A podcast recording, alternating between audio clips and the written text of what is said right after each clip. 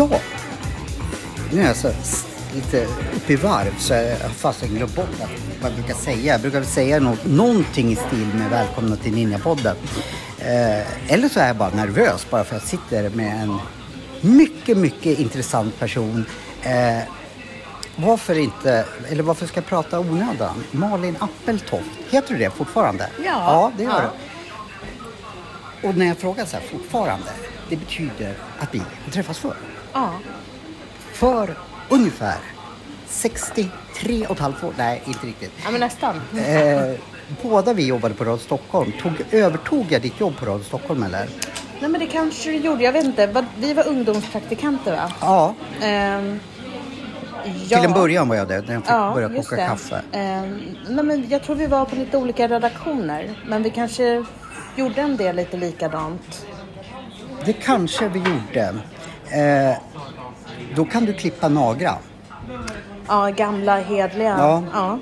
Eh, det var ju därför jag fick vara kvar så länge för jag fick ju bära den jävla nagran när jag jobbade med Carolina och Linda. Liksom, så här. Det var där, därför jag fick vara kvar där. För Ja. jag är så jävla tung. Och jag, ja. Så du var bärare? Ja, ja, det är liksom, jag fick inte göra så mycket till en början och eh, det jag fick göra det var att, att bära. Så jag tror att det var det som gjorde att han klagar inte, han bär och han, ja, han tillför inte någonting. Liksom. Så då fick jag nog vara kvar. Det var nog min inträdesbiljett på Ja, Stockholm. men då, då övertog du inte mitt jobb. För jag bar nog ingenting. Nej, det kunde man ge fan på att, att jag skulle få den uppgiften. Men då, det jag kommer ihåg av dig, eh, det var att du var snygg, det är du fortfarande. Eh, och det fanns inte så mycket snyggingar på Radio Stockholm. I alla fall inte, ja, Carolina, förlåt om du lyssnar, men du, du var ju min chef och så. Men Malin, du, men du var så... Du, vi kan inte jobba för du... Jag kommer ihåg att du, och jag fattar inte varför jag kommer ihåg det. Du pluggade lingvistik. Ja men, det, ja, men okej, då, då kom du in där precis när jag började lämna. Och då jobbade jag nog bara lite extra med något fredagsprogram ett tag. Robinson det Crusoe med Viktor Petrovski. Ja, Det precis. gjorde jag också.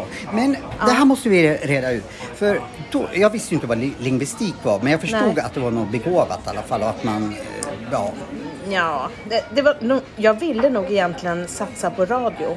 Men det var så många som fick sparken och det var så dålig stämning på Sveriges Radio då. Så att jag kände så här, nej, så där vassa armbågar har inte jag. Jag började plugga något annat. Så att det var liksom en desperation tror jag bara.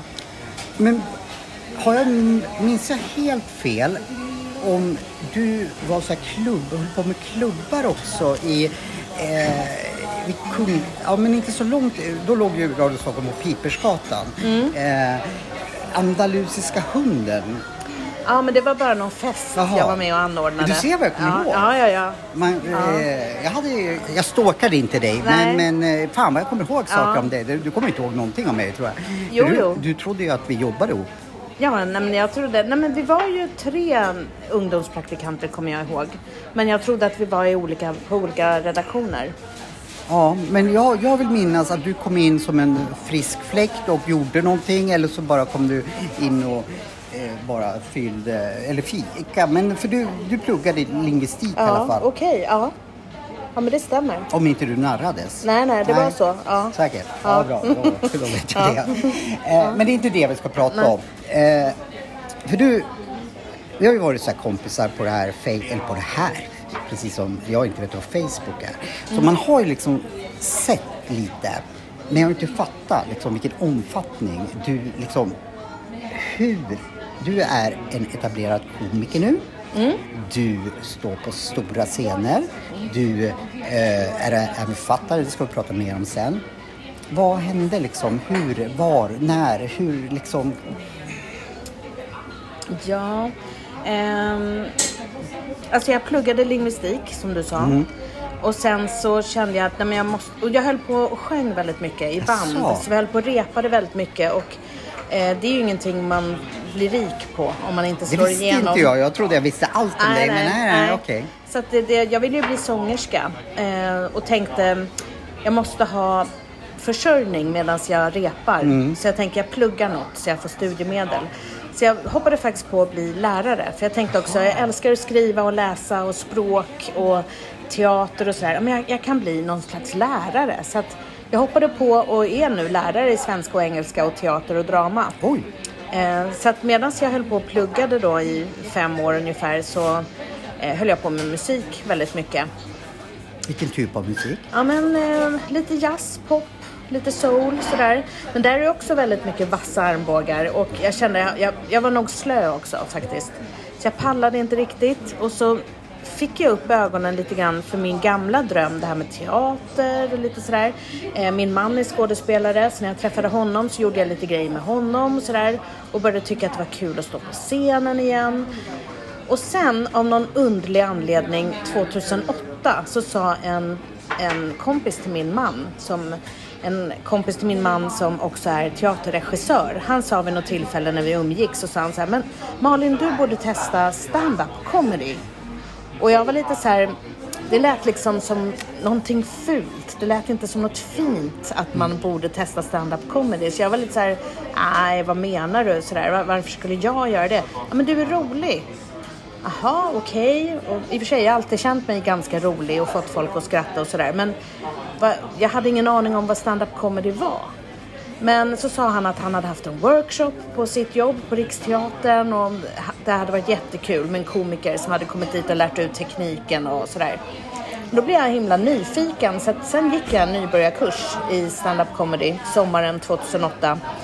Och eh, jag var inte nervös för att stå på scenen, jag var inte nervös för att hålla i en mikrofon och, och sådär. Men att lära sig tekniken och förstå vad stand-up comedy är, det är ju väldigt läskigt. Och många man träffar säger ju att det är det läskigaste de kan tänka sig. Liksom. Jag, som du förstår, har jag aldrig provat på det, men jag har ju, har ju erfarenhet av scenarbete liksom. Och jag skulle nog säga, utan att veta, att det är nog det värsta man kan göra. Jag pratar med erfarna skådespelare som, som är roliga på vanliga scener. Varför, varför prövar inte du? Nej, skulle aldrig utsätta. Och då pratar vi inte liksom nu bara försöker backa teater. Jag vet inte ens vad backa teatern är för någonting. Eh, det kanske är en jättestor scen. Vi säger någon liten, eh, utan vi pratar etablerade stora skådespelare. Ja, jo. De vägrar. Ja men jag vet, min mans kollegor, och de kan vara jätteroliga privat och sådär. Men när de hör att jag håller på med stand-up comedy så säger de bara Va? Det skulle jag aldrig hålla på med. Jag hoppar hellre ut genom ett fönster.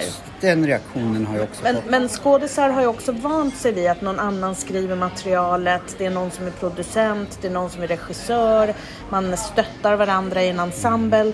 Som komiker är man ju väldigt utsatt för man gör ju allt ensam. Och du får ju direkt, om du nu inte skulle vara bra just den kvällen eller så, Mm. som händer alla liksom, vem är topp varje dag på sitt arbete.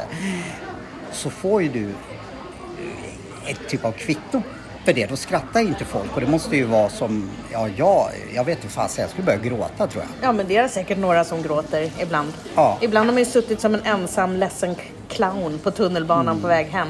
Och så ibland sitter man och flyger ovanför molnen på vägen hem om det har gått bra. Har du jobbat som fakir i ditt i, i, tidigare liv? eller? Nej, nej. Men, men det är sjukt. Jag fattar inte varför man utsätter sig för det här.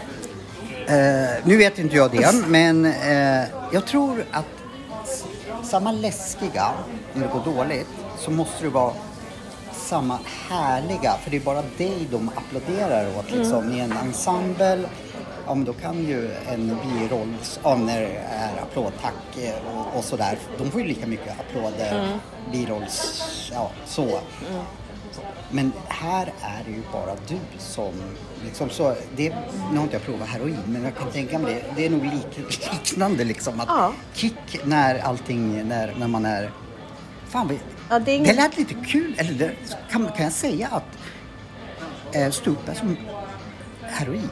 Ja, men att man får samma kick i alla fall. Nu vet ju inte jag ja. det men jag, jag tycker Nej, men jag att det låter inte, lite jag så inte, begåvat. ja, nej, men jag har inte heller testat heroin, men jag tycker att det är en bra liknelse. Nej. För att, eh, att få skratt, det är ju en kick som du vill tillbaka till.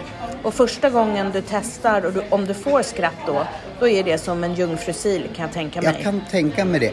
Och det är faktiskt lite därför jag har bjudit in dig. Dels, du har alltid varit på min lista liksom, när jag började sett. Hur? Alltså inte att jag... Men, men du var säkert rolig. Men det var liksom inte så här att, att du... När du kom in, inte på Radio Stockholm att vi låg i dubbelvikta.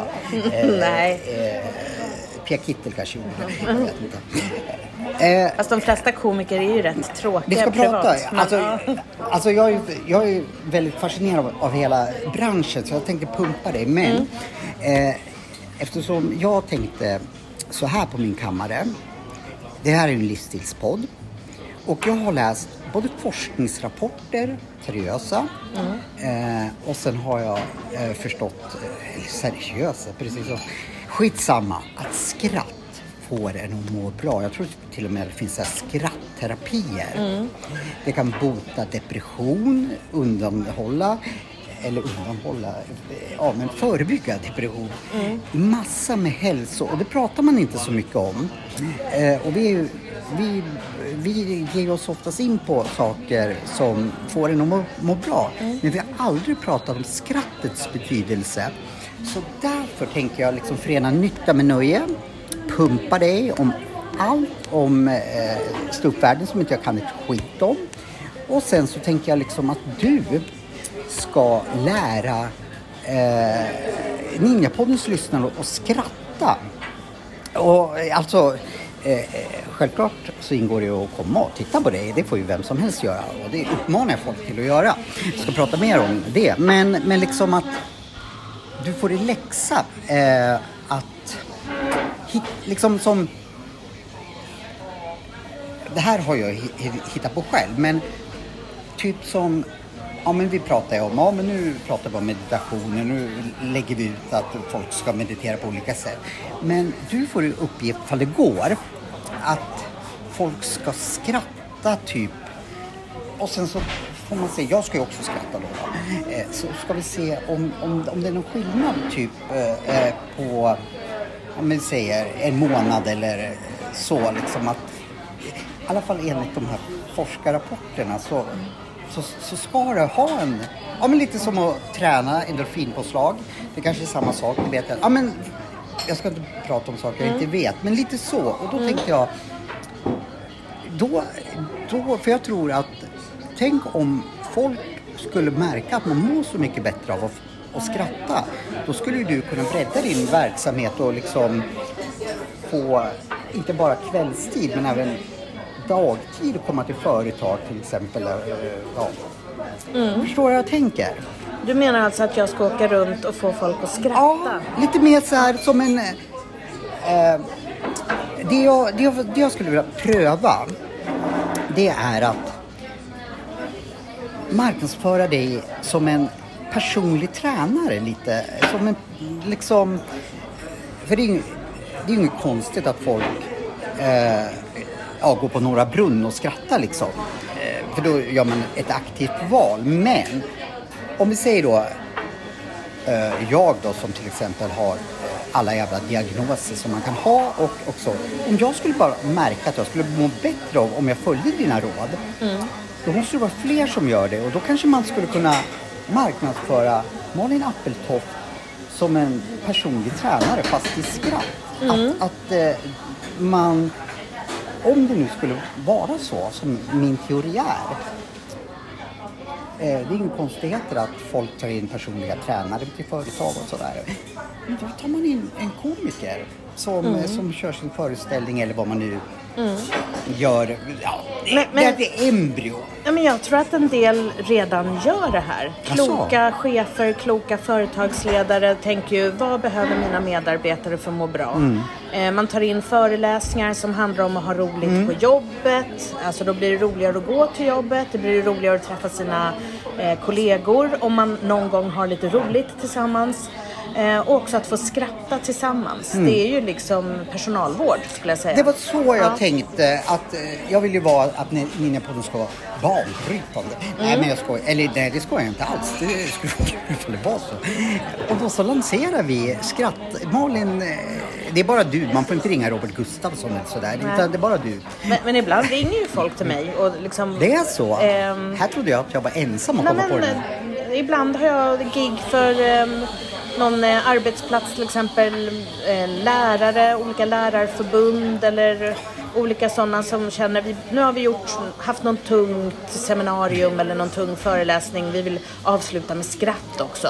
Aha, vad smart. Det trodde inte jag att det var så. Ja men och sen kan man ju ha föreläsning om själva skrattets betydelse och vad som händer när vi skrattar och hur vi mår och vad som händer rent fysiskt. Så, du- så du- då kommer jag kunna få låna dig. Vi säger att vi gör det här under... Vi får ju bestämma liksom under, om det ska vara en månad, två månader. Så Mm. Och sen så liksom mäter vi av på mig med någon, eh, någonting. Liksom, hur mår du nu när du... Mm. Så får vi se liksom hur jag eh, svarar på att få skratta mer. Jag Mm. skrattar nog alldeles för lite. Men, men jag tror det första du skulle kunna göra det är ju till exempel att bestämma dig för att minst en gång om dagen titta på något roligt eller lyssna på något roligt som kommer få dig att skratta. Att det blir som en återhämtningspaus eller som en effektiv paus där du vet här kommer jag få skratta. Wow! Det tycker jag att man kan göra. Om man, om man är stressig och man jobbar hårt och man kanske inte får så mycket återhämtning i sin vardag. Det är klart att det är viktigt att gå och träna, men man måste få träna skrattmusklerna också. Eh, Ett gott skratt förlänger ju livet, det säger man ju faktiskt. Eh, Så att om du till exempel tycker att Fawlty Towers var det roligaste som någonsin har visats. Varför inte titta på ett avsnitt om dagen och skratta gott i soffan? Det ska jag börja med. Det var, det var faktiskt en väldigt enkel grej men jag har aldrig tänkt på, på just det att jag, precis som ja, om man ska göra armhävningar eller någonting sånt där, att ja, men jag ska göra det varje dag. Att man unnar sig en sån enkel men samtidigt, alla vill ju skratta, tror jag i alla fall. Det tror jag med. Och alla mår bra av att skratta. Och man kanske vill träffa en kompis som får en att skratta. Att med den där kompisen skrattar jag alltid. Vi bollar roliga idéer och vi får varandra Ja. att skratta. Eh, träna sin själ helt enkelt. Det vill jag ju så här. Är du om någon börjar vara expert på vad som får folk att skratta? För jag tänker så här. Skulle jag kunna vara roligare i min vardag eh, och få folk att skratta? För jag älskar att få folk att skratta. Jag blir liksom, det, det, det tycker jag är en... Ja men då, då är jag nöjd liksom Ja. med mig själv att jag har fått någon att skratta. Men då låter det som att du är lite sugen på att vara komiker. Och när du pratar om dig själv, du pratar om alla dina diagnoser och allting. Då har du ju mycket att gräva Ja, ur. kan man vara svart komiker? För, för det, det tycker jag är kul själv att lyssna på eh, eller titta på eller någonting så, där man blandar. Eh, det här är ju, alltså du är ju en smart människa, men det visste jag. Men eh, det här hade jag ju tänkt prata med dig om lite längre fram i programmet. Men jag tänkte så här, jag måste känna lite på henne först och, och säga så här. Och, för det, jag tror Alltså jag skulle, jag skulle verkligen tror att, tycka att det var som en, att stå framför på en scen och få folk att skratta. Det skulle ju vara som, jag ska sluta prata om heroin då, men, eh, men, men liksom det skulle vara en sån egoboost så, så, och mitt ego är större än Globen. Eh, men då kommer vi in på om de inte skrattar och då skulle jag ju bli, ja, det skulle vara så hemskt så jag liksom... Men vad är det värsta som kan hända om de inte skrattar? Jag, det här är ju inte psykologfrågor egentligen kanske, men om man är som mig, då blir ju vinsten, jag är en kicksökande människa har, har jag kommit fram till i, i mitt arbete med mig själv. Eh, och jag drivs av kickar. Eh, och då så skulle det vara en ultimat kick. Men lite som en missbrukare då, det är jag också, så är gränsen hårfin från baksmällan och det skulle verkligen... Mitt ego tar ju åt sig lika mycket av dåliga saker. Egot söker sig, i alla fall mitt ego, söker sig till där det får bekräftelse. Om jag då skulle göra jätte... ja, mm, så jäkla fiasko så folk bara, nej jag orkar inte liksom. Och, och folk skulle skriva, det var det sämsta. Eh, då skulle ju mitt ego bli jubelglad. Eh, för då skulle jag fastna i det liksom och hålla på. Det är inte, jag är inte sån som bara skulle borsta av mig utan himmel eller helvete på något sätt är jag. Börjar prata också helt utan vidare. Eh, det kanske bara för att jag blir bara nervös av, av, Ja. av, av det här men Men, men är rädslan för att misslyckas, är den starkare än önskan att pröva? Nej, eftersom jag är en sån person. Nu har inte jag gjort det, men om vi säger att du skulle börja dra fram eh, rökheroin här. Liksom så här och, ja, men jag ska nog prova det här ändå. Ja, men fast gärna säger du, eh, du vet liksom, du, det blir ju åt helvete. Så är min drivkraft mer att få kicken. Sen tar jag så, så prova skulle jag göra, men men du, jag, mådde, alltså, jag får suga lite till efter eh, pausen. Eh, ja, då måste jag ju bomba dig med massor med frågor. Hur var det först, vad var, kommer du ihåg första gigget du hade? Ja. Det var, eh, det var kanske så fruktansvärt som du sitter och pratar om nu. Det gick bra, men nervositeten var det värsta jag någonsin har känt. Det var en hjärtklappning och en nervositet. Jag, jag, min första begravning, då hade jag lika mycket ångest och hjärtklappning som när jag skulle köra stand-up första gången. Och det var 2008 på Big Ben, det legendariska stället på Renstjärnas gata, Folkungagatan. Det, är- det är ett bra rookie-ställe att testa sina första minuter på.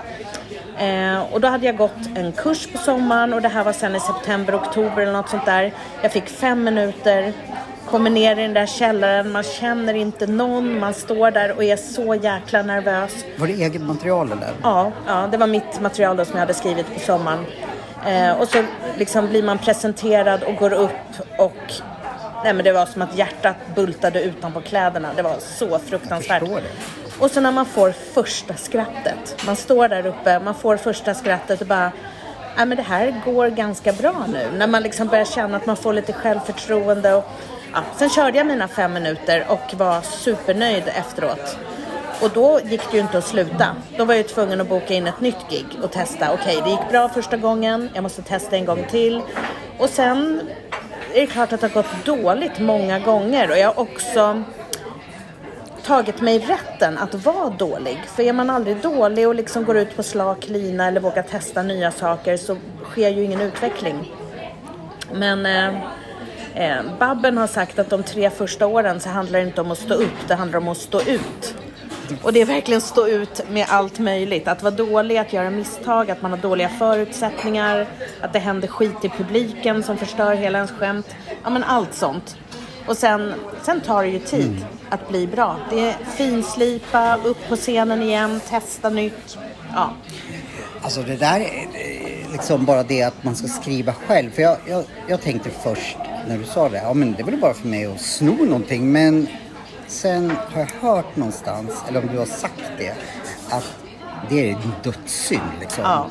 Det är dödssynd. Då har du ingen framtid i branschen. Nej, då ska vi inte börja med... Eller Nej. lite grann. Nej, jag ska. Nej, och inte så här, åh, jag såg en eh, DVD med Eddie Murphy, jag översätter hans skämt. För det sitter alltid någon nörd i publiken som har sett alla DVD-filmer och vet exakt det där var 1983 och den där komikern, bla bla bla. Så att eh, hitta på sitt eget, gräv där du står, kom ihåg, eller kom på någonting som är unikt för dig. Alltså det här, det här låter ju som liksom vetenskap, tycker jag. Liksom, att Det är ju inte bara det att man ska stå ut med att eh, stå upp, tänkte jag säga, utan man ska ju också hitta material. Ja. Och det får absolut inte vara snott på något sätt. Inte snott, unikt för dig. Och så ska ju publiken tycka att det är kul Ja, också. självklart.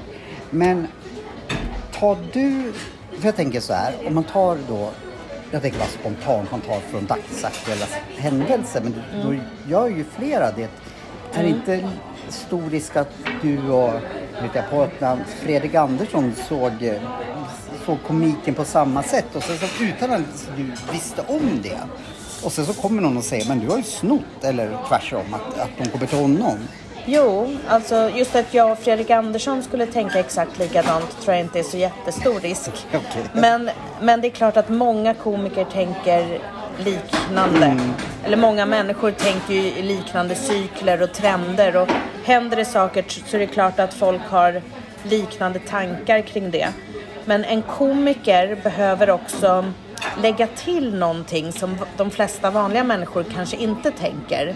Att man liksom försöker se på den här situationen eller det som har hänt genom ett nytt filter eller från ett nytt perspektiv eller någon ny vinkel.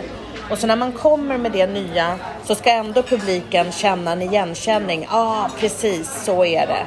Kan man, Men- kan man ja. säga så här att de som tittar på dig mycket, ja men det där är typiskt Malin Appeltoft liksom. Jag vet inte, jag kan tänka mig... Har du någon stil eller sådär som du... Ja, men jag är ju medelålders kvinna, jag har tonårsbarn, jag har jobbat som lärare. Eh, jag gräver ju mycket där jag står eh, kring mitt liv och min man och liksom sådär. Får du hänga ut honom? Åh, jag hänger ut honom mycket. Han har fått godkänna det mesta, men Får han godkänna i alla fall? ja, jag brukar, eller ibland säger han så här, nej jag tycker inte det är så kul att du drar det där, men Ja, men det gör jag i alla fall. Nej, men, jo, men han, jag tror han faktiskt är ganska stolt att han får vara med i materialet. Du sa ju att han var skådis. Ja. Är du gift med en kändis eller? Nej, han är Jag inte måste- kändis. Han är, han är, I teatervärlden så vet folk vem han är. Men, vad han heter? ja, Tobias Aspelin heter han. men jag känner igen namnet. Ja. Eh, Han har inte filmat så jättemycket men han har varit med i en hel del tv-serier och filmer också. Men ja, du får googla. Ja men det är en typisk eh, som jag, han har säkert varit med i nästan alla avsnitt av Johan Falk eller någonting fast man... Nej, men jag tog bara men ett han har exempel. varit med i någon Beck och Ja, någon Wallander ja. och någon van Veteren och Morden i Sandhamn och han gjorde en huvudroll i, eh, vad hette den nu då? Ehm, den, ja, den nya människan som kom för kanske 20 år sedan och eh, ja, du får googla Tobias Jag, jag, Aspelin. jag Ja. googlar på honom. Men eh, har det hänt någon gång att han har blivit sur liksom på riktigt? Att fan sa du där? Eller har ni sån liksom att du frågar alltid innan? Jag frågar kanske inte alltid, men ehm, han, eftersom han är skådespelare Mm. så frilansar han en hel del. Och jag, vet, jag brukar ju skämta om att han är arbetslös för att han är kulturarbetare. Jag skrattar Ja. redan? Och jag vet att i de eh, perioderna han faktiskt har varit Mm. arbetslös och haft ångest på riktigt för framtiden och då har han liksom någon gång inte tyckt att det har varit så kul. Och sådär, måste du säga på scenen att jag är arbetslös? Tänk om det sitter någon kollega där och ja men sådär. Men när han har jobb, då kan han skratta gott åt det skämtet själv. Så att, nej, jag tycker inte han har censurerat mig så mycket. Han låter mig hålla på. Skulle, jag kan tänka mig att det är verkligen en fördel att ni är samma bransch. Om du skulle vara tillsammans med någon rektor eller så kanske inte du skulle få samma förståelse. Det vet man inte. Men vi ska släppa ditt privatliv tills vidare. Eh, jag älskar ju privatliv för jag har ingen annan eh, själv nämligen. Så kan jag fråga Där Anna. hade du ett skämt. Ja, Hej, jag heter Johan. Jag älskar folks privatliv för jag har inget själv. Ragadish. det kanske var ett skämt. Ja, Eh, men det är ju sant. ja. Men allt behöver ju inte vara sant. Men det Hur mycket finns... får man ljuga? Du får ljuga hur mycket du vill. Överdriv, hitta på. Men publiken måste ju tro att det du Mm. säger är sant. Så jag får liksom inte säga så här att jag eh, ollade på liksom en eh, Persing 2-robot eller någonting så det, det kan ju ingen tro att jag gjorde liksom. Ja, du kan ju säga det, men vart ska det leda? Ska publiken tycka att det är kul eller ska de tycka att du är äcklig och konstig? Eller... Ja, förhoppningsvis kul. Eller jag har ju då skruvat ur. Ja, men ja, det kanske var dumt, dåligt. Men någonting som, nej men han kan inte ha gjort det. Nej, men, ja, men antingen gör man ju så och så liksom gör man något kul av att det här är ju helt otrovärdigt. Det kan man ju också skoja om. Eh, men jag tyckte det där du sa om att du älskar människors privatliv för du har inget eget. Det öppnar ju upp, då vill man ju veta mer om dig. Alla har ju ett privatliv. Ja, inte jag. Eh, men alltså det här är jätteroligt. Eh, det, det här kan inte jag släppa. Eh, Men vi måste ju prata om din bok och vi måste ta en paus och vi måste så jäkla mycket eh, saker just nu. Nu blir jag så här till mig också. Eh, jag hade bara någon fråga till om, eller så får du helt enkelt komma efter pausen. Eh, för nu kommer jag inte på det bara för det. Men det, jo, ehm, Eh, jo, eh, jo, eller nu vet inte jag om det var det jag skulle säga. Vilka är dina, dina förebilder? Inom stand-up Ja. comedy. Oj, det finns så otroligt många duktiga komiker. Eh, och en del är så... En del kanske har något skämt som man bara älskar och så kanske man inte tycker att allt annat material är jättekul. Men eh, om vi tänker på svensk standup så tycker jag att eh, jag tycker Henrik Schyffert är alltid otroligt väl eh, arbetad. Han har verkligen gjort sin läxa kan jag känna. Jag tycker han är smart och att det är vettigt innehåll. Eh, Johan Glans, alltså vem kan inte tycka om Johan Glans? Det är ju helt avväpnande, han är alltid rolig. Eh, jag tycker Babben och Ann Westin är jätteroliga. Eh, jag tycker Patrik Larsson är väldigt kul. Han som Han, är ja. Karsten Torebjer, psychic medium. Eh, han är alltid rolig och gigga med och titta på. Eh, sen tycker jag en kille som heter Isak Jansson som blev årets komiker förra året tror jag. Han är inte så känd men han är jäkligt bra. Eh, det finns många kvinnor också ja. som kommer nu. Många tjejer och kvinnor inom svensk standup. Eh, nu får jag nästan Alzheimer och kommer inte på någon. Men Babben och Ann Westin är väl några av de största. Marika Karlsson är ju jäkligt bra. Petrina Solange, fruktansvärt bra. Det, Det, är finns många. Vi, du, det är många. Du, du, kommer få, få din chans att utveckla det här. Och jag måste också säga Niklas Andersson, Göteborgskomiker. Otroligt eh, rolig och eh, trevlig och, och fin på scenen. Han är så hjärtlig och snygg alltså. Han är snygg också, men det är inte det viktiga. Men han är alltid så hjärtlig och god. Han, har så liksom, han är så snäll i sig själv. Får han ligga mycket? Eh, ingen aning, jag har inte undersökt det. Det är men, jävligt viktigt. ehm, För mig alla fall. jag kan tänka mig att det är många som vill. Ja. Men, men han är, en del komiker kan vara väldigt hårda på scenen och en del kan vara liksom... Petinér är jäkligt hård, i alla fall det lilla jag sett. Jag, tänker, jag känner ju inte honom men, Men det är han... väl lite hans grej Ja. att han ska verka hård. Mm. Ehm, Men Niklas Andersson, han har något sånt unikt som att han är snygg, trevlig och jävligt rolig i en underbar kombination. Jag förstår. Nu kommer jag ju på vad jag skulle fråga. Mm. Det, var, det var på en tidigare sak vi pratade om, just det här med, med, med skämten. Att, har, har ni liksom mycket kontakt med varandra så ni kan bolla? Att, ja men nu, eh, jag har hört på ryktesvägar liksom att du har något liknande som mig och jag vill bara liksom, ja men sådär så att det inte blir de här missförstånden. Ifall ni skulle liksom ta det dagsaktuella stora eh, händelser. Mm. Ehm, vi har ju lite så här slutna grupper och så på sociala medier och det är inte sånt stort community egentligen. Ganska snabbt får man koll på vilka som håller på med stand-up. Ehm, och ganska snabbt får man också lite koll på varandras material och där kan man också om det är någon som går upp på Big Ben och kör något material så kanske någon säger så här, du det där var väldigt likt ehm, eh, Östnujens skämt. Eh, vet du att han kör det skämtet? Och då kan den komikern säga, oj jäklar, jag visste inte att han körde den vinkeln. Men då, då kan jag backa, då behöver inte jag köra det skämtet. Alltså det här, det här blir nog jordens längsta innan, men det är bara för att jag har så jäkla mycket frågor och, och jag måste behärska mig lite. Men nu, nu har jag svårt att behärska mig. Eh, blir det lite rangordning? Säger, vi säger, leker nu med tanken att jag har suttit på min kammare och skrivit egna skämt och sen så eh, får jag veta att, säger vi Johan Rheborg har något liknande. Det måste ju vara att jag får ta bort mitt skämt. Det kan ju inte vara så att någon säger till honom, du, eh, det finns en eh, komiker som, eller jag är inte ens komiker, han har all, all, aldrig stått på scen, men jag lyssnar på honom. Eh, och han har ett skämt som är väldigt likt ditt. Då, Men- kommer, då lär, lär det väl vara jag som måste... Även Men, men om du har kört skämtet Ja. flera gånger på en scen, då är det ju ändå ditt skämt som du så man kör. det är först till paxat. Lite liksom. så, Ja. först till kvarn. Men det är inte det är inte så svårt, eller det är inte, det är lätt hänt att det är flera komiker som har eh, liknande ämnen Mm. och liknande spaningar och liknande skämt. Men då kan man ju också, om, om man vet att man ska köra ihop med fyra komiker en kväll, då kan man ju före gigget säga så här, hörni, är det någon som skämtar om eh, statsministern ikväll? Eller är det någon som skämtar om miljön ikväll? Eller är det någon som skämtar om eh, att det är sommarlov nu. Då kan man ju liksom bara stämma av i den lilla gruppen så här, ja men jag kommer dra ett skämt om statsministern. Jaha, vad har du för vinkel? Ja, i så fall skiter jag i mitt skämt för du är före mig ikväll så kör du. Eller så säger man bra, då krockar inte våra skämt. Då kör vi på. Så då måste man egentligen ha, vi säger då att jag skulle gå på scenen och jag har då jag bara tänker fem minuter är nog väldigt långt. Liksom. Jag, har, jag har fått ihop fem minuter eh, med coachning av dig till exempel.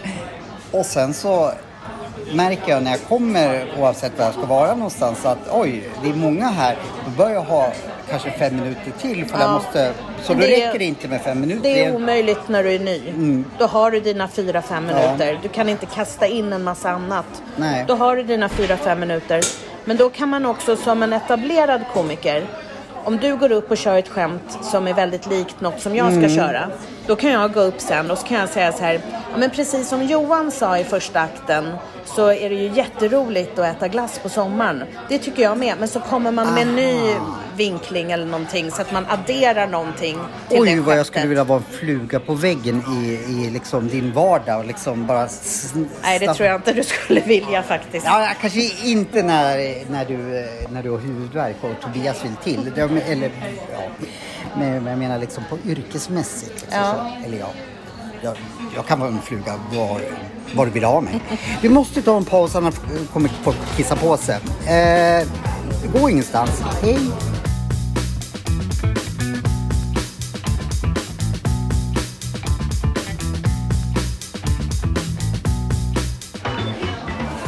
Men då var ju Ninjapodden tillbaka av en händelse. Eh, alltså, du satte verkligen igång tankar i huvudet på mig och jag måste alltid tänka efter lite innan jag liksom låter det komma ut. Jag tänker annars blir det oftast inte bra för mig. Så därför tycker jag då är det läge, läge att vi måste, ju prata, eller måste, jag vill jättegärna prata om din bok. Som var- också var så här. Men ska hon inte ge sig? Räcker det inte att vara stå upp? Ska hon vara författare också? Vad fan är det fel? Nej, så tänkte jag inte. Jag tyckte det var kul men jag blev skitnyfiken. Och tänkte... Jag har inte läst den och det är lite dumt. Eh, men jag tänkte att jag ska läsa den. Och eh, är det här en bok som jag kommer att skratta av eftersom du är komiker? Ja, ja, men kanske. Du kommer kanske småskratta på några ställen. Det handlar ju om en tonåring. Och det är ganska mycket en tonårings ehm, vardag med ups and downs och tvära kast och drastiska grejer. Ehm, jag tror att jag har fått till den här tonårsrösten på ett ganska bra sätt. Och vissa saker, vissa situationer och vissa saker är roliga. Är det du som är tonåringen? Eh, det finns mycket av mig i tonåringen, men jag vill ändå säga att det är fiktion. Men det här är ju ett pandemiprojekt för att ehm, när alla gig ställdes in under pandemin, då passade jag på först att vara lite utbränd ett tag. Eh, jag kunde inte sova och bara mådde urdåligt. Var sjukskriven ett tag. Sen när jag kom liksom upp på benen igen och eh, det fortfarande var pandemi och man såg liksom inget slut på det här. Så kände jag, nej men jag kanske aldrig kommer få ett gig till i hela mitt liv. Stand-up-branschen kanske bara slås ut. Det kanske är slut med live-grejer där man sitter tillsammans. Ehm, så då hittade jag mina gamla dagböcker för jag tänkte rensa ut vinden lite. Så tänkte jag att jag, jag läser igenom mina gamla dagböcker innan jag bränner dem. Och så började jag läsa dem och fastnade i de här dagböckerna från gymnasiet. Och kände bara att det här är ju skam. Det här är ju tv-serien Skam fast i Stockholm och liksom. Så att eh, det finns mycket av mig. Eh, och det finns många förebilder från riktiga människor och sådär. Men sen har jag liksom bytt ut namn och förutsättningar och premisser och så. Så att det är fiktion. Utan att spoila för mycket då, då eh, vad, vad, vad handlar den om? Lite mer...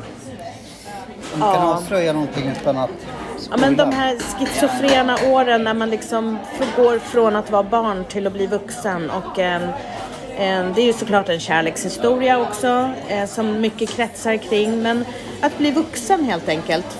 Eh, jag har läst så otroligt många böcker som handlar om killar som blir vuxna och de här dramatiska åren. Så jag ville ge en tjejs perspektiv. Och jag vill jättegärna att killar ska läsa den och också se, ja men så här kan en tjej tänka och göra och tycka och bete sig. Ehm, ja, men jag ville ge en tjej en röst och en plats helt enkelt. Eh, du är ju du är ju mamma också. Eh, Är det någonting som du kände, det här bör mina barn läsa eller? Eh, Både och faktiskt. Men eh, min, mitt äldsta barn som är 22, han började läsa.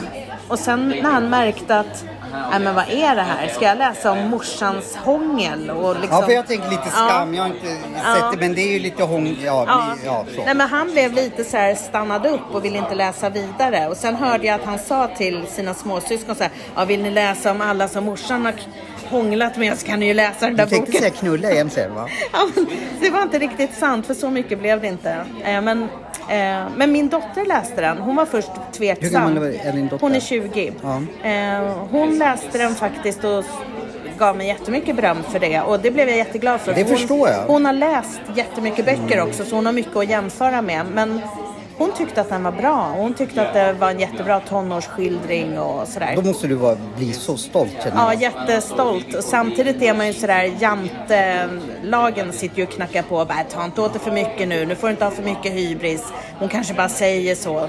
Men, nej, men jag blev jätteglad för att hon gillade den. Och sen Mm. Jag- 16-åringen, han bryr sig inte ett piss om att jag har skrivit en bok eller något som Han jag kanske gör. inte vill det, för det är en känsloålder också Ja. tror jag. Ja. Jag tror jag inte skulle palla med. Eller jag vill inte veta någonting nu om mina föräldrars sexliv eller så. Men, Nej, nej, nej. men eh, jag tror, men jag, jag tar det som ett kvitto att 20-åringen, den, hon skulle aldrig säga, tror jag, om jag känner 20-åringar rätt, eller nu känner inte jag så många 20-åringar, men hon skulle inte, du är hennes mamma och skulle lätt dissa dig tror jag om Ja, så jag tror att du kan med gott samvete ta åt dig att du tyckte det var bra. Men då kan man säga att det här är inte helt, liksom det är inte, man, för jag tänkte så här, här kanske man får svar i liksom varför du blev komiker. För jag tror nämligen så att komiker, eh, nu ska vi prata mer om komik sen, men att jag får bara för mig att komiker kan, kommer från svarta, inte alla självklart, men att det finns mycket mer svärta än vad man tror. Och då tänker jag liksom, här kanske man får, får förståelse om vad, vad det är som driver Malin till att eh, stå på scenen. Lite grann kanske, inte så mycket. Men, eh, men det du säger om att det finns svärta hos Mm. komiker och i skämt. Jag skulle säga att det är en förutsättning till all bra humor. Det är så, alltså. Svärtan som ligger, alltså någonstans är det ju så, stand-up comedy eller humor kanske överhuvudtaget. Det är ju på något sätt, vi behöver hantera och vi behöver skratta åt livets jävligheter. Mm. För det är ju vidrigt. Vi föds utan att ha bett om det och så ska man leva ett helt liv och så vet vi att vi ska dö. Det är ju helt vidrigt. Vad fan ska vi göra däremellan? Och min strategi har varit att garva åt saker. Mm. Jag behöver skratta åt saker. Hur hemskt det än är så kan det alltid finnas ett litet korn av humor. Mm. Men om man, om man fortsätter i, i boken. ehm, ja, för det första, kom, kom, kanske man ska fråga efter. Men jag, jag, jag måste fråga nu. Blir du liksom, det blodad tand? Kommer det bli uppföljare? Kommer du, kände, kände du att, att, att skrivande var någonting som du... Eh, ja, Ja, jag har skrivit ett råmanus faktiskt som jag... ett, ett manus också? Ja, nej men alltså... Eller ett eh, manus till en bok Ja, alltså? precis. Jag, jag har skrivit faktiskt ett embryo, eller ett råmanus eller vad man nu vill kalla det för. Eh, men jag orkar inte riktigt starta det nu för det var så... mm, Alltså det är jobbigt att skriva en bok. Man börjar och så liksom det tar tid och man ska liksom bearbeta saker och fördjupa saker. Och, ehm, för mig tog det ungefär två år och det är ändå ganska snabbt marscherat. Eh, Det finns ju folk som håller på i tio år med en och samma roman och liksom det är jobbigt att skriva en bok så jag orkar, jag behöver lite energi för att dra igång den här men jag har ett, en bok till. Jag måste, det, det, det jag känner liksom, eller den känslan jag får, alltså vad härligt. Du, du bestämmer dig liksom att ja, men nu har jag en bokidé och då genomför du den liksom och eh, nej men jag vill prova. Eh, du, eh, finns, på, finns en show som heter Pernilla har hybris eller så Jag menar inte mm. att du är hybris men, men på ett positivt sätt. Du, det finns ju jättemånga som tänker ja men jag borde nog skriva en bok, jag borde nog göra. Men du, mm. vad är det som får att du tar tag i de sakerna? Ja men jag såg senast idag ett bra citat. Eh, författaren Doris Lessing har sagt någonting sådär att kvinnor, eh, gör det ni vill göra nu. För det finns aldrig rätt tillfälle eller något sånt där. Det är aldrig rätt timing om du drömmer om att göra en speciell sak. Och jag hade kanske inte heller tagit tag i de här sakerna om inte jag faktiskt hade drabbats av en hemsk sak. Och det var att min morbror tog livet av sig 2005. Och det var liksom ja, men det värsta man kan tänka sig att en nära anhörig gör en sån sak. Men där och då så fick jag någon slags eld i baken. Där jag kände bara, livet är kort. Livet är skört. Eh, vill du göra någonting, är du nyfiken på någonting, ja men kör. Vänta inte, testa. Vad är det värsta som kan hända? Så det är liksom, ja det är det som har satt fart på mig tror jag. Tror du generellt att, att tjejer har mer inte kameleon än vad killar har? Ja, men jag tror att det i alla fall finns fler killar som har ett eh, skevt självförtroende och en skev, skev självbild. Mm. Ja, jag, jag tror jag har det, så, så det är inget konstigt. Men, men för jag tänker liksom, återigen så tänker jag på ståuppvärlden.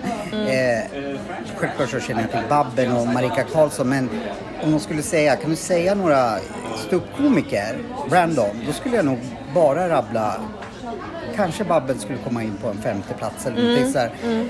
Jag får den bilden av att det är en väldigt grabbig värld. Mm. Det har ju det? framförallt varit det. Nu har det ju liksom luckrats upp lite mer och det finns ganska många kvinnor i branschen. Och väldigt många olika sorters stilar och olika sorters komiker och sådär. Men det är ju fortfarande flest män som syns och hörs. Mm. Så att då är det ju lätt att det är de komikerna man tänker på först. Nu fick jag en till idé. Uh, ja, men det, kan vi, det kan vi återkomma till när vi hoppar tillbaka till ståuppgrejen. Mm. För nu fick jag en idé här till dina lyssnare där, där du skulle kunna hjälpa dem att förverkliga lite saker. Uh, men uh, jag måste bara, det var någonting jag ser liksom, när jag såg bilden, vi kommer att lägga ut boken, vi kommer att lägga ut var man kan eh, beställa den. Eh, det är inte så att den redan finns nu på typ så här Storytel eller någonting sånt där? Den ligger som e-bok på Storytel och Nextory. Okay. Om man gillar att läsa den mm. på platta eller mobil. Um, Sen finns den, man kan beställa den på Adlibris mm. eller Visto förlag. Jag tror att den finns på Akademibokhandeln i Liljeholmen och Aspuddens bokhandel också. Men Eh, jag håller på att läsa in den också. Så att den kommer komma kommer. som ljudbok. Ja. Ja. Men då gör vi så här för, för ni som inte orkar vänta till Malin har läst in den så lägger vi ut alla länkar, var man kan beställa den, mm. ditt telefonnummer så folk kan ringa och flåsa. Nej jag skojar. Eh, nej, då blir Tobias Aspelin inte glad tror jag. Du, eh, är han född i Aspudden? Han? Ja. Nej, han är faktiskt född i Lund och uppvuxen på Ekerö. Om man heter Aspelin så borde man ju ja. bo i Aspudden. Det var därför vi flyttade dit. Nej, det var Bo, inte. Vadå, bor ni i Aspudden? Ja, men vi bor i Aspudden. Ja. Jaha, det visste inte jag. Jag trodde du bodde på Söder. Jag vet inte varför. Ja, men jag har bott på Söder, men nu är Aspudden en förlängning av Söder. Aha. Ja, det där var ett litet skämt faktiskt. Ja. Eh, vi ska sluta skämta. Eller vi får ju skämt om din man så att eh, eh ja, han kommer stå med en basebollträ utanför Nej, mitt... Nej, jag behöver inte oroa dig. Nej, men eh, när jag såg boken nu, eller jag har sett den tidigare också, men jag får känslan av, eh, de kallar oss mods, men mm är det inte lite Kenta och Stoffe över den här bilden? Men, Tycker du? Det är en LP-skiva, två tjejer som ser ut att skratta, en vägskylt, en polaroidbild, lite noter och en liten dagboksbild. Nu ska vi säga så här, egentligen skulle du eh, springa typ till, vi sitter på Götgatan nu, egentligen skulle du springa till Globen och hålla upp den här boken så då skulle jag kunna se, för jag ser jäkligt dåligt, jag har inte med mig mina glasögon. Men när du berättar, ja men då kanske det inte var så mycket. Men vad var det du tolkade in som att det handlar om mods? Eh, frisyren, så. Och jag tänkte så här att Ja, men du och jag är väl jämngamla. Eh, men du kanske så, såg ut som Kent. Nej, jag skojar. Men det är ju inte jag på bilden, Nej. utan det är ju eh, någon formgivare på förlaget som har gjort. Det är två tjejer bara, jag vet inte vilka det är. Men ah, håret det... hänger lite. Men att du tänker på mods och Stoffe och sådär. Men jag tänker på två unga tjejer som när jag får på mig mina glasglasögon kanske jag tänker på något helt annat. Men, det, men den heter i alla fall Logg från Östra. Varför mm. heter den så? Därför den är skriven i dagboksform. Men hon som skriver vill inte kalla det för dagbok för hon tycker det är töntigt. Men en logg kan hon tänka sig att det kan vara. Och Östra det är ju då Östra Real. Så det är en, helt enkelt anteckningar från Östra Real. Var, gick du på Östra Real? Ja. Är inte det en snobbskola? Eh, jo. Varför gick du där? För att jag bodde närmast. Det var Aha. närmast. Eh, och, eh, jag kan säga, många säger ju så, är inte det en snobbskola och sådär. Och då när jag gick 86 till 89, då var det ju väldigt mycket att det var människor i området som gick där. Eh, men jag hade väldigt tur. Det var väldigt många liksom musiker och eh, ja, vi var en väldigt bra årgång kan jag säga jag förstår. Eh, fanns det saker som i din dagbok som du censurerade eller körde Åh gud ja, åh herregud ja. Varför gjorde du det? Var det för, för mycket eller? Ja nej men gud, jag hade, jag, nej gud, jag har censurerat jättemycket och tagit bort saker som absolut inte kan visas för offentligheten. Och... Det behöver inte gå in på detalj, men kan du ge, ge ett exempel på vad, vad, vad du tog bort? Um... Nej men mycket så pinsamma funderingar om sig själv och om andra och liksom mycket dravel också som inte är intressant för någon annan att läsa om. Men, men jag har ju inspirerats väldigt mycket av min egen dagbok men jag har gjort om mycket. Mm. Så att det finns ju ett frö till nästan allting. Men jag, jag, måste säga, jag bjuder ju väldigt mycket på den där tonårsvärlden och hur det kunde vara. Att man liksom blir för full eller man liksom, ja, nej men jag, man får läsa själv helt enkelt. Nu sa du någonting som jag tror jag inte förknippar dig med. Att bli full. För mig är du liksom Även fast vi aldrig har hängt eller så, så får jag bara det intrycket att det är ordning och reda på dig. Ja, men det stämmer nog. Men det är klart att man har gjort sina misstag. Och det får man läsa om i boken? Ja, lite. Har du spytt ner någon gång? Om jag har spytt ner mig? Ja, alltså av fylla, inte av magsjuka. Alltså jag tror aldrig jag har spytt ner mig, men det är klart att jag har spytt. Och alltid okay. på gymnasiet, om det var alkohol så drack jag alltid för fort och för mycket och var tvungen att gå och spy. Var jag på fest så började jag ofta festen med att kräkas. Har du vaknat upp i hökarängen fast du inte skulle göra det? Nej, nej, nej, det har jag inte nej, gjort faktiskt. Nej, men då har jag lite rätt nej. i alla fall. Och, det, och jag har inte varit så illa däran att jag liksom råkat illa ut för att jag har varit full. Så, utan jag har alltid lyckats liksom ta mig hem i någon taxi eller gå hem eller liksom sådär. Och, men jag, jag, tror du har ganska rätt. Jag har varit ganska ordentlig. Ja, men jag, ja. jag vet inte varför jag, jag får för mig det. Men ja. du, jag skulle nog tänka så här ifall jag då skulle liksom anförtro, du tar hand om min plånbok ikväll. Jag skulle kanske inte, om vi pratar om Kent och Stoffe, ge dem den. Utan det, jag skulle välja dig. Ja, okej. Okay. Tack. Ja. Det är min bild ja, av dig. Jag skulle ta hand om den. Ja, ja. Det eh, finns inte så mycket att ta hand om i och för sig. Men eh, du förstår min bild av dig. Så, mm. så att då stämmer den lite att mm. det är, är. Men kommer kom jag att bli så här att men Malin, det trodde jag inte om dig. Så jag måste liksom mm. smsa. Va? Är det här självupplevt eller är det... Eh... Jo men kanske. Och jag märker att det är väldigt många som har väldigt svårt att skilja mellan vem är Malin och vem är den här påhittade karaktären? Ja. Och när går de ihop och när är det påhittat? Och jag kommer inte säga när det är liksom verkligen nära verkligheten och när det är påhitt. Så, men... så det är ingen idé ifall jag liksom, när jag börjar läsa den här ikväll att jag skriver till dig, du, är det här riktiga Malin eller är det en karaktären? Nej, nej men liksom det, det, går, det är ju ett fiktivt mm. verk. Så det går ju liksom inte riktigt att eh, säga att det är jag. Nej. Men jag förstår att många ser mig framför sig. Mm. Min pappa till exempel blev sur för att pappan i boken är sur. men då försöker jag säga så att det är fiction, men det går inte. Han kan inte släppa det. Just för att vissa saker jag, jag förstår det. Ja, jag kommer ju direkt liksom, eh, nu vet jag att det här är från gymnasietiden men jag kommer ju liksom, står det någonting mer i Radio Stockholm? Eh, bla, bla, bla. Eh, så jag tror att, speciellt när man, jag ska inte säga att jag känner dig, men ha liksom en relation att, att då blir det ändå, så jag förstår verkligen din pappa att han Mm. tänker då, om det var en sur pappa att det första han tänker på är det här jag liksom. Så.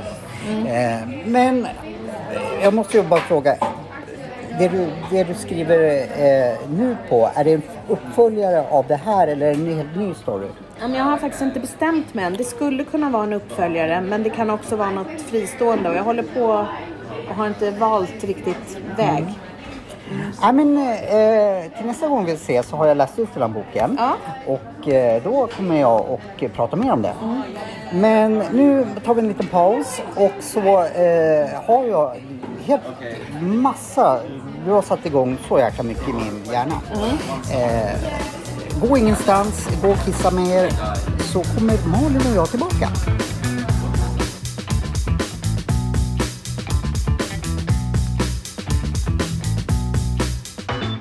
Du Malin, jag har ju inte kunnat släppt en sak. Att jag bjöd in dig för, för att du ska folk att skratta, Ninjapodden, och att de ska må bättre. Men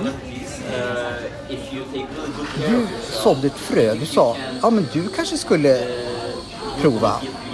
Eh, och jag har ju inga hämningar. Eh, I alla fall inte till en början.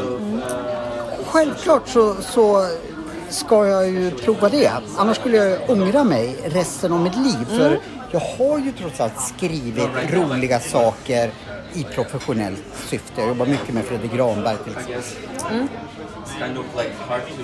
Visst, nu kommer jag ihåg en sak. Det var inte alls, eh, vad heter det, på Radio Stockholm när jag såg det sist. Jag trodde nämligen att du kom på en audition som jag hade eh, här på Göta Lejon, tvärs över gatan typ. Men det var din, ett barn. Ja men just det, vad var det? Var det Sune? Sune, ja. Sune ja. ja. Det var mitt äldsta barn tror jag som testade till den. Men visst var det Benjamin Ingrosso som fick rollen? Jag sa så här innan, för jag var delägare i Göta Lejon på den tiden. Jag vägrar, om jag ska köpa in här, att någon jäkla Wahlgren ska eh, stå på Göta Lejon. För då hade vi gjort Sound of Music med Bo- Ja men liksom alla jäkla Wahlgren. Ja inte Bianca men hon var i kulisserna. Så liksom No hard feelings mot Be- Be- Benji. Men när jag såg att han skulle komma så bara jag sa till Fred som var regissör.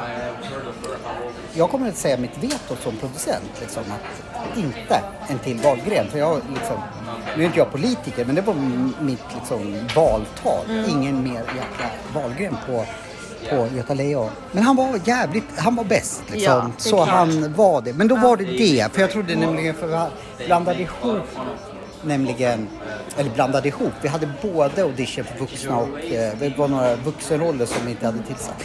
Vad bra att du tog upp det. För jag är ju nämligen producent och jag skulle ju teoretiskt sett kunna sätta upp en show med mig själv. Är det det du är sugen på? Att sätta upp en egen standup-show? Nej, det, där, där begränsar ju mitt ego. Det skulle liksom vara lite pinsamt att säga, ja, vad är nästa satsning då? Ja, jag ska sätta upp en standup-show med mig själv. Liksom, då, då tänker folk liksom, ha börjat supa igen. Liksom. Men, alltså rent teoretiskt skulle jag kunna göra det. Det vill säga, du skulle kunna komma till mig och säga liksom, jag och eh, Tobias eh, har en show. Skulle du vilja producera den? Ja, skulle jag säga då. Så jag skulle ju liksom rent kunskapsmässigt och, och så kunna göra det. Ja, men självklart men det, det låter ju liksom inte riktigt eh, credit att sätta upp. Men jag ville bara säga att det skulle kunna teoretiskt sett gå så. Och jag har liksom, ska antagligen jobba med cirkus Mm. Om jag får som jag vill nästa år, om de får som de vill kanske 2027. Nej jag skojar, men, men liksom så. Då fick jag en idé. Ja, kanske hybris, men någon... Jag tror inte att liksom, Johan Seffer skulle sälja en jävla biljett. Kanske var jag liksom åka hem till varenda Ninja-podden-lyssnare och tvinga dem. Men du och jag skulle ju i princip kunna eh, Ja, jag skulle kunna producera det men jag vill ju helst att någon annan för då blir det liksom att någon annan tror på mig. Liksom. Vad säger du om det? Men, men vänta, från att alldeles nyss ha pratat om att det är en sån stor skräck och att du vet inte om du vågar. Nu pratar du om att vi ska sätta upp en show. En av mina första egna produktioner siktar vi på Globen och vi stod fan på Globen med Ladies Night. I och för sig tog det fyra år men eh, vi sa det första vi gör, gör vi ska inte spela den här på någon eh, liksom nu börjar tjata om det Backateatern igen som jag inte vet vad det är. Jag kommer säkert att bli stämd av Men vi sa vi, det här ska på Globen direkt. Och det var ju det var en helt egen, egen idé. Och vi genomförde det. Eh, så jag har ju någonstans hybris men verklighetsanknytning om man säger så. Sen kanske jag inte behöver sitta och säga alla gånger jag har sagt saker som inte har blivit av. Det, det ska jag villigt erkänna att det har hänt. Men Men Ja, hur- kanske hur- cirkus kanske är lite att ta i, men typ Göta Lejon, eh, Kinateatern, fan tar de då? De drar 2000 pers. Ja, men, Men, men hur tänker du nu Johan? Att du ska gå från att aldrig ha testat stand-up till att om ett år stå på en av våra största scener i Stockholm. jag tänkte först så här, det ska väl inte vara så jäkla svårt. Nu förklarar du för mig att så kan man inte göra. Att jag tänkte det är för fan bara att eh, gå in på Youtube och kolla på alla stora komiker och inte skriva av dem liksom ord för ord, men skriva av lite och sen så eh, ja, Ja men Johan, då kommer du inte vara så Nej, jag, långvarig i branschen. jag förstod ju det. Du får gärna inspireras och liksom sådär av eh, duktiga Mm. Ja, komiker. ja. Men du måste ju hitta på och skriva själv. Ja. eh, ja, men vad fan sen. Jag får väl bolla lite med Fredde och eh, eh, så. Och, ja, men du kan ju skriva för fasen. Eller alltså, Ja. vi, du, alltså. Jag har ju, tänker jag, att jag har ju på något sätt roligheter i huvudet. Sen så förstår jag att eh, det måste ju liksom fil- filtreras med någon. Men Mm. i mina tankar så heter den personen Malin Appeltoft. Som, Men alltså, jag är ju coach också. Är det? Och jag är ju standup-lärare. Så att jag Va? hjälper ju folk med sånt här. Men Varför har du alltså, inte sagt det förrän nu? nej men du har inte frågat. Men, men alltså om, om du är sugen på att testa standup. Ja, det är jag verkligen. Du är det? Ja. Då kan jag, då, jag kan hjälpa dig. Jag kan coacha dig, jag kan hjälpa dig, vi kan finslipa på ditt material och liksom, vi kan bolla idéer och allt sånt där. Men då måste vi ju ha, liksom, ha ett mål. Och att, som du börjar snacka nu om att stå på Kina-teatern eller Globen, det kanske är lite mm, stora planer just nu. Men om vi säger du och jag och eh, Johan Glans då? Inget är omöjligt. Men jag har ju aldrig sett dig på en scen. Nej. Och du har aldrig testat stand-up. Nej, jag vet. Det är, det är bara den lilla detaljen som jag glömmer ibland. Då. Men, Ja. men nu blev jag lite tryggare. Om du... Ja, men hur går den... Berätta om din skola först då. Vad är det? Berätta. Ja, men jag är stand-up-lärare på improvisationsstudion på Skånegatan i Stockholm. Så där håller jag kurser. Så där kan man ju komma och anmäla sig. Men jag kan ju också coacha dig. Ja. Vi kan ju ses. Du kan säga till mig, de här roliga grejerna vill jag säga på en scen. Och då kan jag säga, ja, det finns roliga frön där men vi behöver förpacka det, vi behöver finslipa på det. Vi behöver hitta en stand-up-teknik. Du kan inte flagga för skämtet innan det ens har kommit. Lägg det Nej. roligaste ordet sist. Ja men du vet, allt sånt där man måste tänka på. Ja, för nu sa du någonting som jag absolut inte har tänkt på. Även, nu ska inte jag göra det för då kommer du att piska mig blå med en mattpiska. Men om jag bara skulle liksom åka hem till Johan Rheborg och sno hans manus så skulle det kanske inte alls funka för jag skulle typ läsa det rakt upp och ner för jag vet ju ingenting om Nej. timing och eh, hur man håller. Det får man också lära sig av dig. Ja, nej men det, det kan man också jobba med. Vad man har för attityd, vad man har för timing, vad man jobbar med för tempo, act-outs, allt sånt där.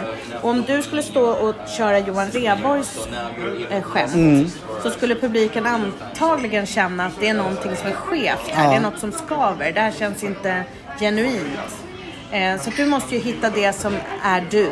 Mm. För det går liksom inte då, nu börjar jag förstå det, att han har ju haft en tanke när han skriver det där.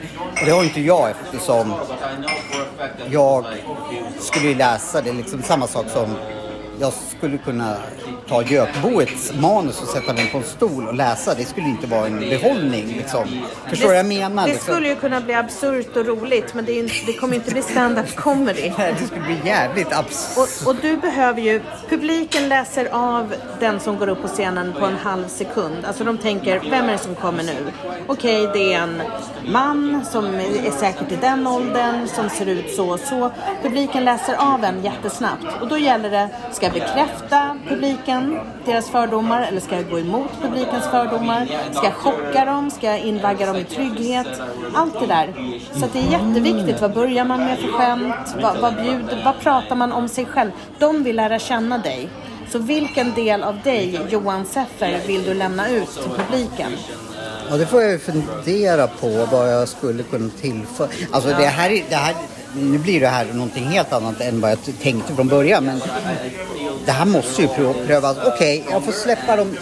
Men vad skulle vara realistiskt då? Fall, fall man eh, liksom skulle vara realistisk. För precis, vi måste ju ha någon, någon form av mål. Ja, det måste vi ha. Och jag tänker så här. Jag driver ju en klubb i Hägersten, där jag bor. Eh, jag och min komikerkollega Birgitta Kläppke, vi har stand-up i Hägersten. Och nu är vi på Bio Aspen som är en biograf och ett kulturhus i Aspudden. Där har vi våran klubb. Och vi har ju klubbkväll där den 24 februari.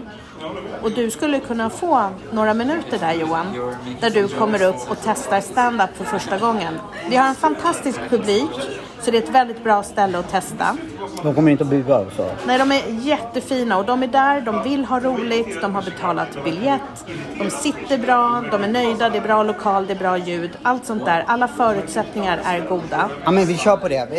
Jag får inte tänka för mycket för då kommer det börja snurra. Men nu tänker jag så här, du är rookie. Ja. Du får kanske fyra, kanske högst fem minuter Johan. Ja, jag, jag vill ju då vara realistisk fast jag tänker så här, ja men fem minuter ska du kunna. Men nu när jag börjar tänka efter Ja, det, fem minuter kanske är mycket i första... Det kan vara, ja. och hellre att det är kort och tajt ja. och roligt än att det är långt och segt och tråkigt. Men då måste jag börja i skolan på en gång.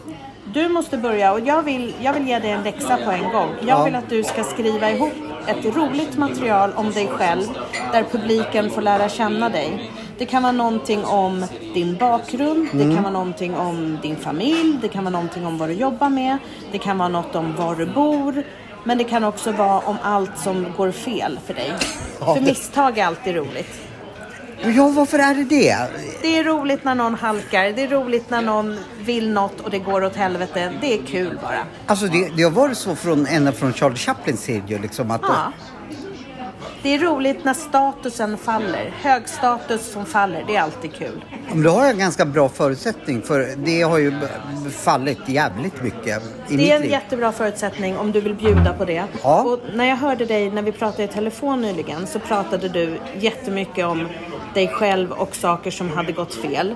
Som kanske inte direkt var roliga, men jag gick ju och smålog och tänkte så här, det här är ju lika svart som om en komiker berättar. Så du har ju mycket att gräva ur. Ja, jag har hur mycket som helst och när jag berättar så utan då att jag haft någon baktanke om att det ska vara roligt så märker jag att Dels så avdramatiseras det för mig ifall du skrattar åt jag har hur mycket som helst. Eh, men berättar jag det precis som det var och då blir folk rädda. Men vad fan är det här för jävla miffo liksom? Mm. Jag har gjort allt ifrån stuckit från BB. Jag har... Eh, ja, jag har gjort så jävla mycket saker så jag bara får ont i kroppen. Mm. Men då är det mycket lättare om man får folk att skratta kring mm. det. Så det är faktiskt en omedveten skyddsmekanism hos mig. Ja. Mm. Eh, att få folk och, och, nu kommer jag ju då, nu ska vi prata om det, men nu kan jag inte, eh, du kommer märka att jag har större egonglober. Egon Globen, men det har nog varit en överlevnadsstrategi att få folk att skratta ända från skolan, för då fick man inte stryk. Nej. Men det är väl en klassiker. Och om du också har gjort dumma saker och sårat människor. Ja, om du ändå kan berätta om det på ett sätt så att man skrattar. Mm. Då är det också på något sätt att faktiskt få lite förlåtelse och att visa att du förstår det där var jävligt dumt. Men jag kan prata om det på ett humoristiskt sätt. det är inte klockrent, men det påminner faktiskt lite om 12-6-programmet faktiskt. Som man, ja, eh, jag ska utveckla det senare. Det ska inte, men fasen, det här var ju, vart ju mycket större än vad jag trodde. Men ja, vi måste ju gärna spela in ett nytt avsnitt så fort som möjligt. Men när kan jag... Jag ska, jag ska gå hem nu och börja skriva. Jag ska ju läsa boken också. Så, så, eh, men lite om mig själv. Men när, när, när, eh, när har du din skola då? Ehm, skola med dig. Den, den måste nog hårdköras så den kan nog inte vara på... Men ska du och jag höras på telefon om en vecka så får du läsa upp för mig vad du har skrivit. Nu fick jag ju ont i magen av det. Men ja, ja, ja men, men det gör jag. Men jag- det, det bara slog mig att det kanske är fler som vill gå på riktigt på din skola. Att vi kan väl, när vi ändå är, håller på och lägger ut eh, dina telefonnummer och allting så lägger vi ut även skolan. Då tycker jag att de ska gå in på improvisationsstudion och titta på kurserna där. Mm. Det finns både på Facebook och på internet. Mm. Och jag måste säga, jag hade inte tänkt säga det här men vi sitter på ett café och eh, eh, poddar. Och då var det en tjej som satt bredvid oss som eh, hoppas du lyssnar på det här. Nu tog vi inte ditt namn, det kanske var lika bra för du kanske inte ville det. Men hon hörde lite av vad vi pratade om och framförallt dig. Så hon blev så här jättenyfiken.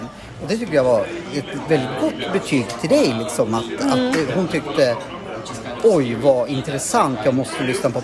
Ja, hon visste inte att det var Ninjapodden, men vi berättade det och då kände jag, men det var kanske var då jag fick den här att men Malin är ju helt rätt person. För när jag sa, kanske på ett klumpigt sätt, att ja men det var inte du som låg och spydde ner det. Så, så in, in, ger du ett slags förtroende. Så jag känner, ja men om det är någon som skulle kunna coacha mig rätt så är det du. Och ett kvitto på att det inte bara är jag som tycker så var ju det att den här tjejen som jag hoppas lyssnar, eh, vad heter det, kände bara oj, jag vill höra mer om Malin och eh, jag måste lyssna på den här podden. Så det var liksom cred till dig. Eh, man, man blir trygg av dig. Ja men det, det tror jag. Jag är ju också lärare gammal lärare. ja. Jag har tre barn. Jag har hållit jättemånga kurser. Så att jag tror att jag är en trygg eh, coach Mm, faktiskt. Som kan ge bra feedback också.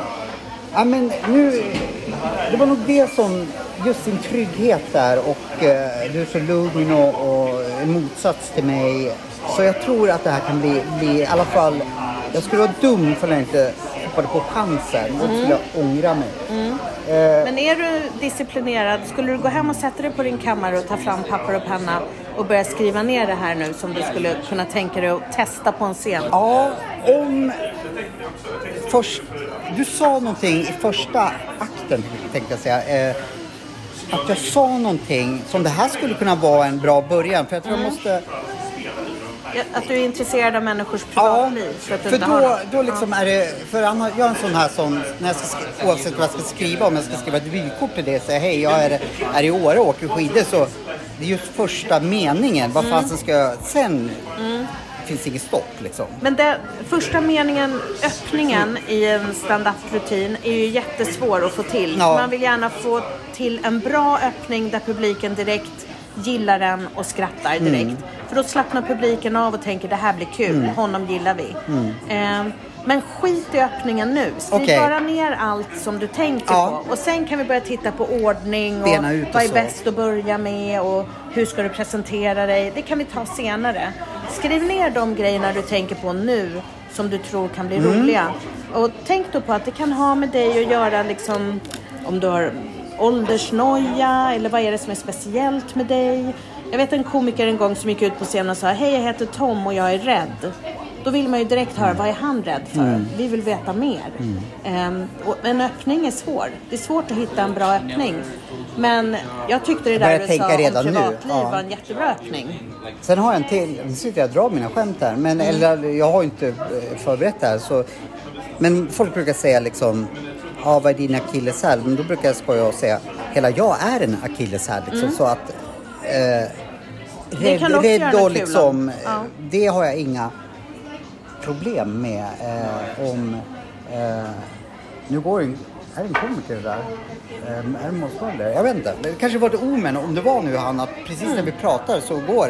Eh, det kanske inte var han. Det kanske var Bertil... Nej, han är död. Eh, det var ingenting. Eh, ja, jag, jag, blir så till mig. Eh, du frågade om jag var disciplinerad. Eh, jag tror det funkar så här att ibland när man ska just jobba, att man, ja men vi åker till en skrivarstuga och ska liksom, oavsett om man ska, eh, jag skriver inte så mycket manus men, ja men till exempel jag ska göra en pitch och man ska avsätta tid, då kan det komma fram tre ord och sen ska jag sitta på tunnelbanan. Liksom det är så. så mm.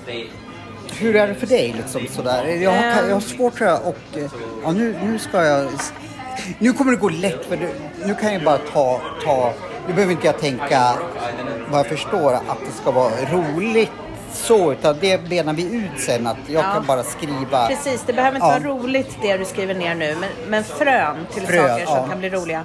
Eh, ha alltid med dig ett litet anteckningsblock. Kommer du på något när du står på tunnelbanan mm. eller sådär, skriv ner några stödord eller så, så att du inte glömmer bort. Jag kan ibland komma på saker i duschen eller när jag sitter och berättar något för någon kompis så kanske jag kommer på, fan det där jag sa det var ju kul. Mm. Det måste jag skriva ner så jag inte glömmer bort det. Är det okej okay om jag, och jag skulle vilja följa det, är det okej okay om jag sitter på en pall utanför när du duschar och eh, Nej.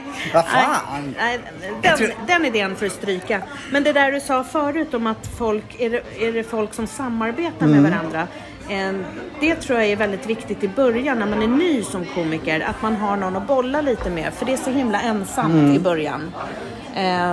Och sen, kanske en viktig sak som du måste tänka på nu Johan, det är att när Johan Glans eller Babben går ut på en scen, då vet alla i publiken vilka de är. Mm. Så de är redan avslappnade och har inställningen att det här kommer bli roligt. Men när du kommer ut som en okänd komiker, ja. då måste du vinna publiken. Du måste övertyga publiken om att det här kommer bli roligt. Och det är en helt annan grej än om du sitter och skrattar vid ett middagsbord mm. med vänner eller med kollegor som du mm. känner. Eh, här måste du låta publiken lära känna dig och det måste gå ganska snabbt. Så på ett effektivt sätt måste du låta publiken förstå vem du är och de ska gilla dig och de ska tycka att du är rolig. Alltså är så, så varsågod. Mycket mer än vad man tänker att det ska vara.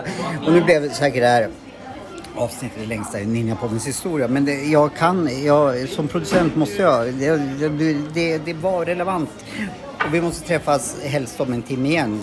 Nej men, eh, jag, jag är liksom helt inne i det här nu och ja. eh, jag ska ta liksom lyda dig. Eh, det är lite svårt liksom att någon lämnar över eftersom min profession är ju att jag i alla fall tror att jag jämt har sista ordet. Eh, men jag lovar dig att om du säger slicka på lyktstolpe, jag hoppas, jag tror det är minusgrader nu, då gör jag det liksom. Så, jag kommer bara ge goda råd, så inte sådana råd. Eh, Okej, okay. eh, jag håller på med en BDS, eller jag, jag går i en BDS-skola. Jag skulle annars passa bra in i, i du kanske vill gå en BDSM-skola, Ninjapoddens BDSM-skola. Då, då blir det fart på Tobias sen kan jag säga. Jag, jag vet inte om jag är så mycket för det där, men jag, det finns ju något att skämta om, om du vill bjuda på det. Alltså jag kommer att bjuda på allt som eh, jag tror, men det, det, det här kommer ju bli den första tror jag, uppvaknande att jag kan ju tro i min lilla hjärna att ja, men det här är roligt och du kanske bara nej. Så kan det bli. Så det här kommer ju att bli liksom ett terapisamtal också tror jag. Eh, ja, men det, det, gud, jag håller ju på att gå upp atomer av spänning, förväntan, skräck. Eh, jag ska inte hålla dig något längre. Jag sa kanske vi poddar i 45 minuter och sen sitter jag här och pratar i tre timmar. Förlåt, men... Nej, det har varit jättekul. Ähm, nej, men vi avrundar här så ska jag bara sätta igång. Ja. Och tack Kör så bort. mycket Malin att du tog dig tid. Tack Johan för att jag fick komma. Ja, men... Ja, jag skulle säga något klokt där. Skitsamma. Eh, vi hörs i alla fall. Hej då!